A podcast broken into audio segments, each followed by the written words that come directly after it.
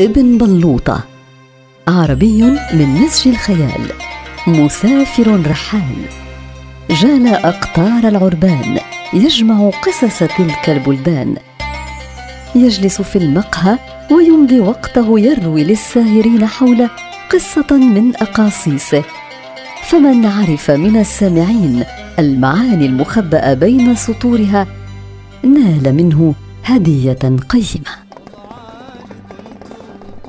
نارا يا ولد السلام عليكم وعليكم السلام أين منصور؟ هو آت مع زوجته ها قد وصل السلام, السلام عليكم. عليكم ماذا فعل سمير مع ابنه؟ أرغمه على السفر إلى أوروبا للدراسة وقال له إن لم تأتي بشهادتك معك بعد انتهاء دراستك فلا تعد إلى البيت وهل يسافر سمير معه إلى أوروبا؟ سوف يفعل ما يشاء هناك ويصرف مال أبيه إلى أن تنتهي دراسة السنين السبعة التي يمضيها هناك يكون سمير قد نسى تهديده وأكله الحنين إلى ابنه. يحكى أن ملكا كان لديه حمار أبيض اللون أحبه كأحد أفراد الحاشية. وكان ينظر إليه بفخر وكان يعتبر أن حماره من أذكى مخلوقات الأرض ولا ينقصه سوى النطق ليعبر عن أفكاره. ذات صباح استدعى الملك وزيره وأمره أن يستدعي معلمي المملكة وأساتذتها فكان له ما أراد. وحين اجتمع المعلمون أمامه أدخل حماره وقال لهم انظروا وتفحصوا هذا الحمار. أما هو حمار ذكي؟ فصار الجميع يؤكد على كلام الملك. فقال الملك حينها مع حمار بهذا الذكاء؟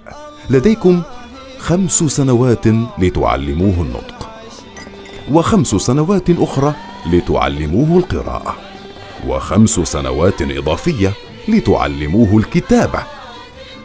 فساد الصمت بين الجميع وقام أحد كبار المعلمين وكان متقدما بينهم فشرح للملك أنه يستحيل عليهم تعليم الحمار.